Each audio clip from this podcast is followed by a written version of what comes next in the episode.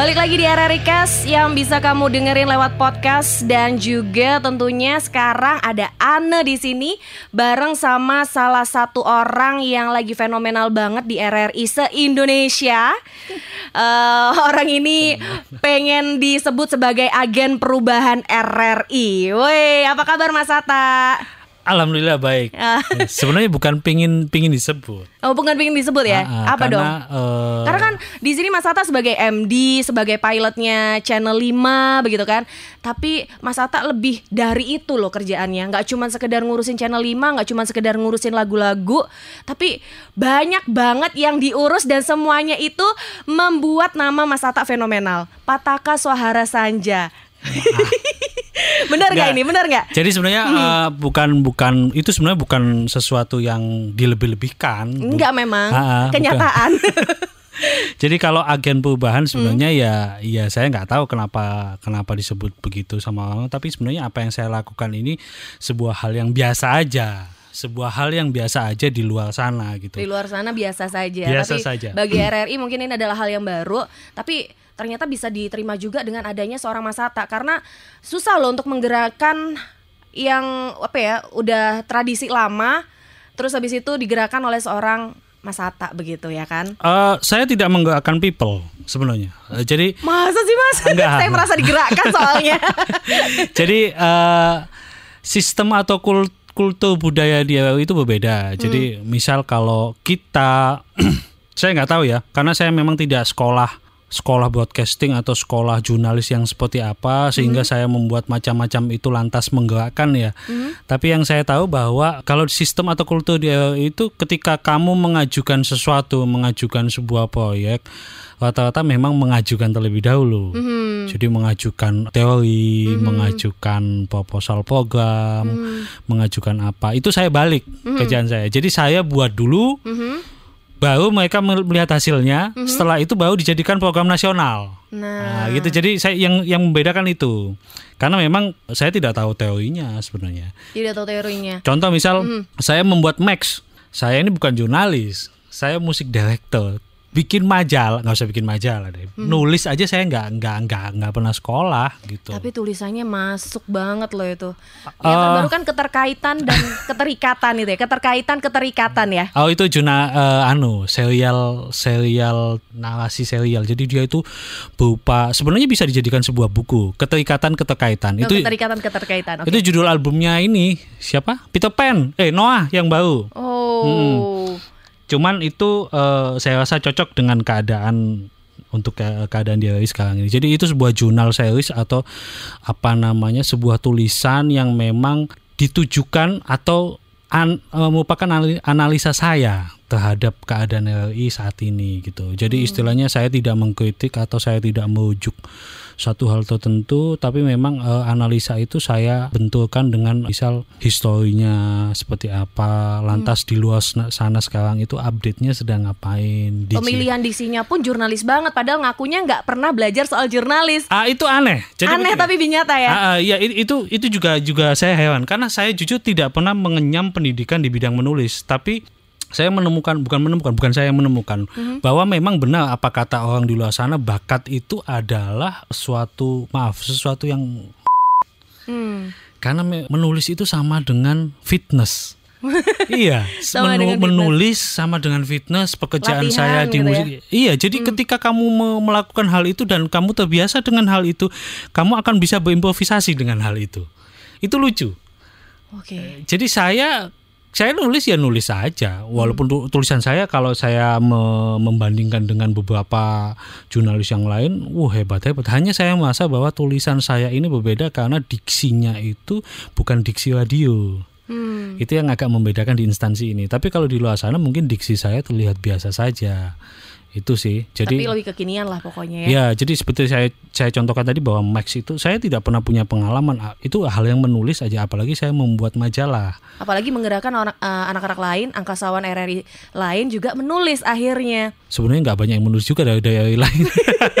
Cuma dari Surabaya aja. Iya, benar. Cuman memang arahnya ketika itu bahwa ket- kenapa saya memunculkan Max LLI sudah punya radio picture kan ya. Mhm. Sudah punya televisi, bukan televisi saya mengatakan dia lebih kepada siaran yang digambarkan begitulah. Iya. Ah, ada satu hal oh, audio sudah, satu hal yang yang media yang belum dibuat memang. Media cetak itu. Hmm. Tapi eh, untuk eh, update zaman zamannya anak sekarang nih itu namanya media digital. Iya betul. Hanya bisa dinikmati melalui Sekarang soalnya digital. serba lihat handphone sih ya. Jarang banget untuk ngelihat yang ini apa textbook yang bener-bener textbook yang dari ini Ya, itu- cetakan begitu. Itu dasar pemikiran saya. Jadi memang ketika ketika banyak orang dihadapkan, misal kita berbicara radio gitu ya. Menurut survei Asel Nielsen di tahun 2016 atau 15 saya lupa eh, bahwa pendengar radio itu memang menurun, menurun jauh. Hmm. Menurun jauh dalam artian eh, mungkin hanya dari 100% itu 30 atau 35% dan angka itu tidak berubah di situ hampir sampai tahun 2018 kalau saya nggak salah lihat ketika itu. Ketika beberapa orang dihadapkan dengan hal tersebut, terus kalau nggak ada yang, orang yang mau dengerin radio terus gimana? Itu tidak ada jawaban. Hmm. Kita harus memperbaiki siaran. Oh sudah memperbaiki, memperbaiki. siaran. memperbaiki siaran. Hmm. Tower tower juga dibawa apa Ah, pemancar. Sudah sampai kita punya TV, kita punya apa dan lain Iya. sebagainya kan. Pada kenyataannya tidak menarik minat untuk usia generasi Z ya. Generasi Z dalam artian eh, 25 eh, 20 ke 25 lah. 15 ke 25 di usia itu. Hmm. Jadi ada lagi anggapan bahwa kita harus memperbaiki media sosial kita. Hmm. Saya belum menemukan teori yang pas memperbaiki media sosial itu gimana? Apakah hanya Berdasarkan follower eh, atau bukan- hanya enggak, berdasarkan ki- tampilan fitnya? kita nggak usah berdasarkan follower dulu. Jadi begini misalnya, menggait generasi Z itu gimana sih? Iya, bener banget. Eh, menggait generasi Z itu, ya itu tadi kan balik lagi, oh, memperbaiki siaran. Udah, di, sekarang sudah bekerja keras memperbaiki siaran. Eh, tower sudah dibetulkan, kita punya aplikasi pribadi. Tapi pada kenyataannya minatnya juga juga tidak terlalu ini banyak juga. Hmm. Berarti kan ada missing di situ. Orang mengatakan memperbaiki medsos, memperbaiki medsos. Gimana sih memperbaiki medsos? Mhm. Apakah hanya mengubah tampilan feeds-nya? Tidak sesederhana itu. Karena semuanya yang lain juga fitnya juga berlomba-lomba dibagus-bagusin semua begitu ya Tapi kan? juga tidak membawa membawa apa namanya pendengar lebih baik. Jadi istilahnya begini, ketika kita dihadapkan bahwa pendengar radio itu atau hilang, mereka menyerah. Hmm. Padahal logikanya seperti ini, kita mau menyalahkan gimana generasi Z sekarang itu serba digital. Hmm. Semuanya eh, digital. Hmm. Kita mengarah ke sana. Misal nih, digital living, digital paying. Hmm. Kamu bayar parkir aja sudah pakai kartu sekarang. Hmm. Bahkan kesehatan dan lain sebagainya. Kamu makan hanya menyentuh tangan kan? Mhm. Bahkan ke depannya itu saya baru saya baru tahu mobil listrik apa Tesla apa namanya itu dia tidak pakai mesin loh. Hmm. Hanya diupdate dia tidak perlu perawatan servis hanya mengganti kampas rem dan ban tidak ada bengkelnya. Ketika dia harus mengupgrade mobil listrik itu hanya cukup disentuh dengan tangan. Kita sedang menghadapi kenyataan digital dan kita tidak menggarap itu. Tapi bagaimana seorang uh, Pataka Sohara Sanja itu bisa membuat jadi pilot channel 5 terus habis itu bintang radio yang dengan pesertanya sampai 1400 peserta gitu ya.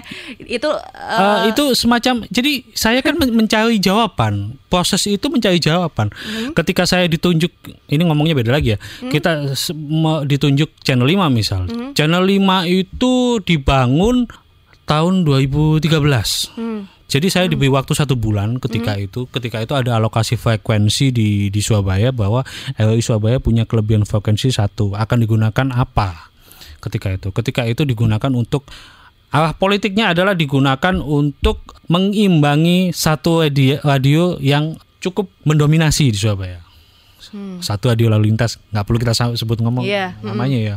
Bagi banyak orang akan meng- me- me- mengelola radio itu dengan bikin radio yang serupa bikin radio news yang serupa mengikuti misal kalau ada eh, radio misal radio news di Jakarta L apa itu ya katakanlah begitu kita bikin serupa bagi saya itu tidak akan berguna ketika kita membuat plagiasinya Hmm. Lantas saya membuat sebuah channel 5 itu sebuah tema bahwa radio ini memang ditujukan untuk media relaksisasi ketika itu. Jadi media ini full hanya musik. Betul. Full hanya musik dengan eh, lagu-lagu yang sebenarnya bukan lagu-lagu saya. Hmm. Lagu-lagu itu full dengan generasi golden era, golden memories ketika itu 80 dan 90. Tidak bergerak di 2000, tidak turun di tahun 70 dan 60. Jadi hanya di situ. Di situ saya kan tidak tahu siapa yang hits ketika itu karena saya bukan muda di tahun saya baru SMA itu di tahun 99. Jadi saya anak tahun 2000 awal lah istilahnya. Apakah saya tahu yang hits itu di tahun 90-an, 80-an enggak tahu. Saya baru lahir di 84. Jadi saya saya mempelajari billboard itu baru telat belakangan beberapa tahun belakangan ini. Jadi cara kerjanya itu saya me menggrab, saya mengkoleksi beberapa CD. Misal saya sebut Michael Jackson gitu ya. Saya ambil semua diskografinya, Michael Jackson A sampai Z. Saya pilih menurut telinga saya mana yang enak.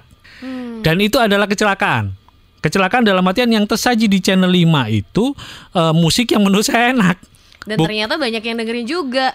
Saya tidak tahu itu, tapi menurut menurut penelitian begitu sih. Iya memang. Saya juga termasuk salah satu orang yang sering mendengar banyak yang lebih mengenal channel 5 daripada RRI-nya begitu loh. Jadi ketika di Iya. jalan itu loh radio yang lagunya eh, Golden Era gitu-gitu kan. Lagu lawas-lawas enak katanya begitu. Hmm. Ah, ah. Jadi banyak yang mengenal channel 5. Oh iya itu channel 5. Itu sepenuhnya kecelakaan bagi saya karena saya tidak tahu mana yang hits. Tiga tahun atau empat tahun setelah itu saya baru belajar mempelajari billboard, mempelajari tanggal lagu. Oh ternyata Michael Jackson itu yang hits ini ini ini loh. Kan kalau di di barat itu ada arsipnya yang menduduki selama tiga minggu, lima minggu, semuanya itu apa namanya ada arsipnya. Saya baru belajar. Ternyata yang saya suguhkan itu musik-musik yang tidak pernah muncul ke pasaran. Hmm. Kamu tidak akan bisa mendengarkan kalau kamu membeli albumnya Michael Jackson.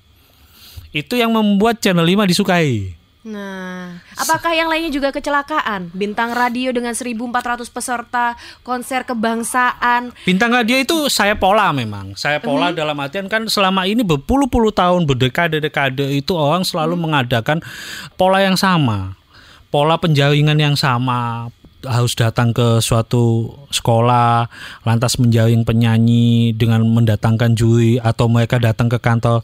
Saya tidak pernah tahu bagaimana skematik bintang radio hingga di tahun 2000 berapa ya saya menangani? 19 ya, 18 ya? 2019 kemarin ya. 2019 atau 19 itu tiba-tiba saya ditunjuk untuk menjadi ketua.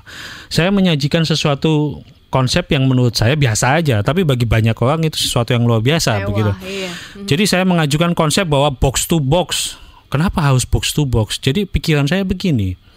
Generasi Z ini kalau kita paksakan kita paksakan mereka itu harus ke kita gitu, mereka harus datang ke kita itu susah. Saya balik.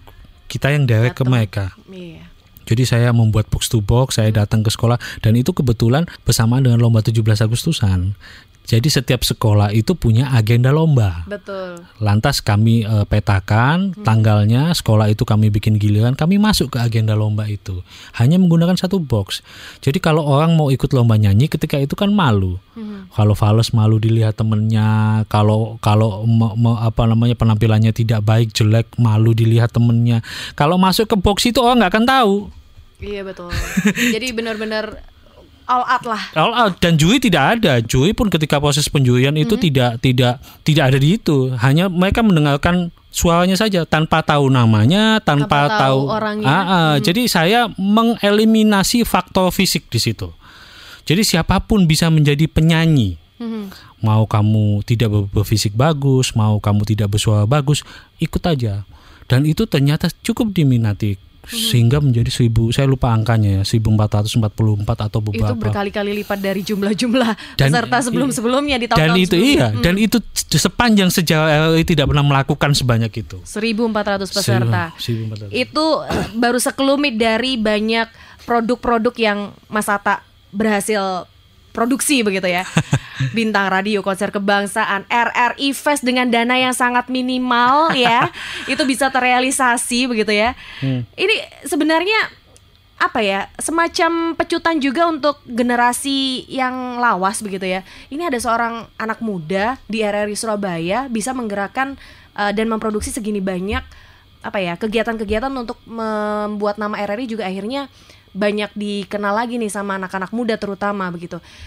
Jadi apa dong sebenarnya yang harus dilakukan begitu ya supaya RRI itu bisa lebih berkembang lagi? Jadi sebenarnya apakah faktor SDM-nya atau bagaimana? RRI itu kan tidak dibuat untuk populer sebenarnya ya. Kalau saya tangkap sepanjang sejarah saya saya memahami itu. Jadi memang fungsinya untuk mencerdaskan bangsa. Jadi eh, menurut saya ini ini adalah opini pribadi saya bahwa ketika kita melakukan regenerasi pendengar itu ada jembatan yang putus di pendengar muda di duanya. Hmm. Kalau kita ngomong eh, usia 35 ke atas kita leading lah di situ. Leading menurut saya leading dalam artian di beberapa daerah kita kita cukup leading dengan Po 3 bahkan sekarang cukup fenomenal. Tapi kita tidak pernah berhasil di Po 2. Saya tidak ngomong daerah ya. Iya. Mungkin ada beberapa tertentu yang memang tidak punya saingan terlalu banyak, apa namanya, atau radio di daerah itu tidak terlalu banyak sehingga dia didengarkan menjadi nomor satu. Sepanjang saya membuat membuat beberapa penemuan entah itu RI Max, RI apa dan lain sebagainya itu sebenarnya tujuannya untuk menyambung generasi itu. Orang banyak ngomong bahwa generasi eh, kita harus memperbaiki siaran. Sudah dilakukan memperbaiki siaran, kita harus memperbaiki pemantau, kita harus bikin aplikasi. Tapi kan tetap mereka tidak tidak tidak datang Hmm. ada miss di situ di mana kita ada dunia lain di siaran radio itu yang memang kita nafikan yang kita tidak kelola dengan baik. Jadi sekarang kita berbicara generasi Z di bawah kita nanti ada generasi C, generasi co- connected generation. Di mana ya seperti saya cerita di awal tadi, semuanya akan serba digital. IO, binary-nya IO, kita akan main algoritma dan lain sebagainya. Bahkan saya berikan contoh misal eh, handphonemu nih, handphone saya nih, saya suka melihat eh, gitar gitu. Handphone kita itu ada yang namanya filter bubble sama echo chamber di dalam itu. Filter bubble itu akan menyusutkan pencarian kita, searching kita di Google, di Instagram. Itu hanya itu itu aja. Kalaupun kamu akan melihat bidang lain, misal saya mau lihat film atau apa, dia akan tetap IG-mu ataupun searching Google-mu akan merujuk ke satu bidang. Iya. Iya kan? Itu namanya filter bubble. Ada lagi echo chamber. Echo chamber itu dia pa- pantulan. Pantulan itu dia akan membuat ruang, akan me- me- me- menyesuaikan dengan apa yang kita cari. Jadi algoritma itu sesuatu yang belum dipelajari. Padahal di luar sana algoritma itu sudah mainan lama. Presiden Amerika yang sekarang jadi karena itu ada yang namanya bit akun di di Twitter, baso dan lain sebagainya. Itu itu sistem skematik di mana memang media sekarang itu berkembang pesat dan bisa mengkonstruksi masyarakat. Awalnya itu ketika Presiden B.J. Habibie mengadakan bukan mengadakan, beliau membuka semua kawan media. Di awal itu ketika Presiden B.J. Habibie membuka banyak media cetak bermunculan. Ketika dulu di zaman Orde Baru itu di dikunci ya, tidak semua bisa ngomong banyak media cetak seiring waktu berjalan 2006 ke atas mulai banyak media daring.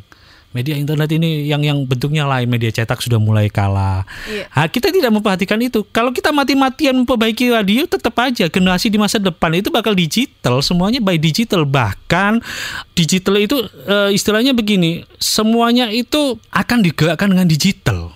Digital politik Hmm. ke- ke depannya bakal kayak gitu Serba digital ya. Kenapa? eh, misal begini, misal begini. Ini agak ekstrim juga ngomong bahwa di masa depan wartawan itu nggak bakal ada.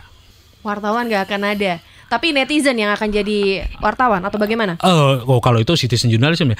Eh, kalau jadi begini, saya contohkan situs judi bola banyak situs judi bola itu. Situs judi bola itu sebuah saya lupa, tapi yang namanya nama saya lupa sistemnya apa.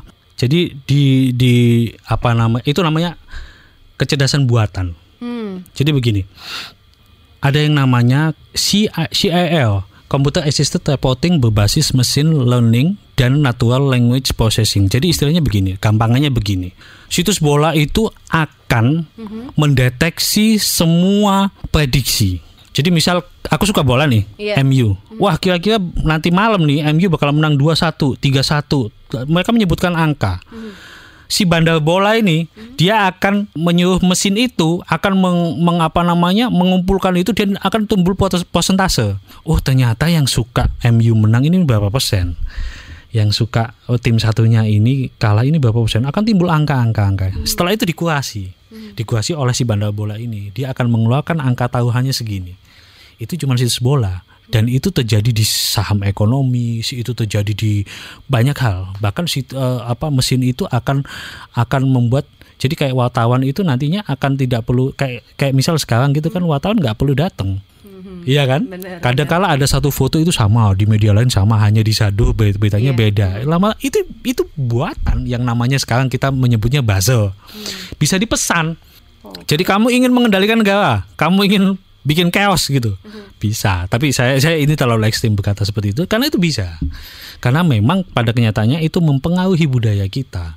Bahkan penyiar pun di masa depan tidak akan ada. Hmm. ini repot ini kalau nggak ada penyiar nih ya. Sebenarnya nggak juga repot. Jadi- Katakanlah kenapa penyiar nggak ada pengen tahu buktinya ya cek aja Google Mapsmu. Siapa yang bersuara? Itu kecerdasan buatan. Emang dari mana dia? Besok itu kamu cukup meng- mengetik data, dia ngomong sendiri udah.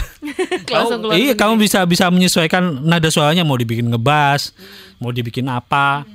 Bisa. Oke, jadi finally Ana pengen tahu nih untuk eh, ke depannya Mas Hatta bakalan melakukan apa nih untuk RRI? Jadi gini, saya menemukan sesuatu, bukan menemukan ya. Orang lagi ribut teori konspirasi, eh, lagi seneng geopolitik, eh, lagi lagi mempelajari bagaimana dua negara adidaya berperang melalui ekonomi dan dari mana dari mana. Beberapa waktu yang lalu RRI sangat dekat dengan politik pertahanan. Jadi beberapa tahun belakangan ini RRI membuat konser kebangsaan, membangun stasiun produksi untuk menyelamatkan sabuk informasi, untuk menyelamatkan, untuk memberikan memberikan para eh, penduduk di warga perbatasan itu info yang sebenarnya, info yang natural dan ketika presiden menginginkan bahwa Rote dan Miangas itu eh, dibangun stasiun produksi untuk menyelamatkan informasi di situ. De- kalau kita tidak dekat dengan pertahanan, tidak akan ada kapal perang atau pesawat yang bisa mengangkut ke situ kan. Hmm. Itu arah politiknya dulu ketika, ketika itu ke situ. Tapi memang RRI fungsinya juga menyelamatkan hal tersebut. Saya menemukan fenomena bahwa kita bermasalah dengan pendidikan. Hmm. Di Indonesia ini kan pendidikan eh kalau kamu nggak punya uang atau kamu tidak Apa? Berkompeten? bukan tidak berkompeten, kalau kamu tidak punya uang terus tempat tempat tinggalmu itu terpencil, kamu akan susah bersekolah kan. Kamu harus menempuh jarak dan itu masih banyak permasalahan seperti itu Masih banyak. Hmm. Saya merasa bahwa eh, misal nih distribusi buku ataupun sekolah itu hanya hanya hanya terbatas. Kalau tidak ada guru yang mau masuk ke pedalaman akan menjadi sus- susah kan. Mhm. Internet pun hanya sebatas kabupaten ataupun sebatas kota kan. Dia tidak akan mampu masuk atau naik ke gunung. Satu-satunya yang mampu mencapai sinyal itu adalah sinyal radio. Betul. Jadi sinyal radio dalam artian kita melihat satu dekade belakangan ini perang alatnya radio. Mhm. Mau dia di kutub utara, mau dia di gunung, mau Di dalam mau- laut. mau di dalam- menembus ke situ. Iya. Saya saya bilang bahwa RRI harus dekat dengan politik pendidikan. Bagaimana proses belajar mengajar itu Mhm. digunakan melalui sinyal radio. Nah. Bayangkan ya, kamu sekolah internasional nih, Hmm. kurikulummu itu bisa nyampe ke pedalaman tanpa harus bayar. Bayangin. Iya, betul. Keren, keren. Jadi RRI menjadi tempat untuk proses belajar mengajar masalah teknis. Nanti bagaimana eh, penerapannya di audio itu teknis menurut aku. Tapi ideologinya dibetulin dulu. Kita bisa menjembatani proses belajar mengajar. Kita bisa menyampaikan proses belajar mengajar itu melalui audio. Hmm. Ya itu bayangin aja bagaimana nanti bahkan mungkin tidak akan ada sekolah, sekolah menjadi formalitas, tapi akan jadi masalah apakah sekolah mau menerima. Sama ketika mobil listrik masuk, pasti nanti akan perusahaan-perusahaan minyak negeri juga akan protes kan. Iya. Ah, saya cuma merasa bahwa RRI bisa hadir di situ. RRI punya slot. RRI akan hadir di seluruh pelosok negeri untuk memberikan informasi, untuk memberikan proses belajar mengajar yang baik tanpa harus membayar apa pun. Iya. Itu. Jadi di masa depan, di masa depan generasi Z, generasi C itu pure digital. Waktunya kita untuk memikirkan hal itu. Jangan berkutat pada siaran aja. Bagus, memperbaiki konten itu bagus. Dulu konten is a king. Ya kan? Sekarang sekarang percakapan adalah raja. Coba lihat percakapan apa aja yang tidak trending. Mau kamu ngomong receh aja, kalau kamu followersmu banyak, Jadi trending. Nah, coba lihat saya tidak akan menyebutkan nama. Percakapan apa pun, podcast itu kenapa begitu digemari? Itu kan percakap. Iya. Dulu kita ngomong konten bahwa kalau kontenmu nggak bagus, kamu nggak akan bisa. Sekarang enggak, kontenmu mau sampah sekalipun, kalau followersmu banyak, kamu akan menjadi king. Oke. Seru banget ya ngobrol-ngobrol sama Mas Hatta. Banyak hal-hal yang nggak diduga-duga, nggak dijana-nyana, yang sempat gak kepikiran, akhirnya bisa tertuangkan di sini di kesempatan kali ini di RRI Cash bareng Ana dan juga Mas Hatta. Semoga nanti kita bisa ngobrol-ngobrol lagi Mas Hatta. Banyak lagi ilmu-ilmu yang bakalan Mas Hatta share. Sebenarnya Oke. bukan ilmu itu eksperimental. Eksperimental. Nah, jadi saya saya juga tidak merasa bahwa itu akan menjadi berhasil. Itu menurut analogi saya. Saya mencoba sesuatu, tapi pada pada intinya bahwa ujungnya saya ingin menjembatani pendengar RRI di generasi supaya tidak putus. Oke. Intinya begitu. Siap. Terima kasih Mas Atta untuk obrolan kali ini. Baik, pendengar, tetap di RRI Cast. Yang jelas bisa kamu dapetin di RRI Playgo. Langsung aja RRI Playgo juga bisa dan juga bisa lewat podcast maksud Ana untuk RRI Cast-nya ya. Oke deh kalau gitu, Ana pamit dulu. Bye-bye.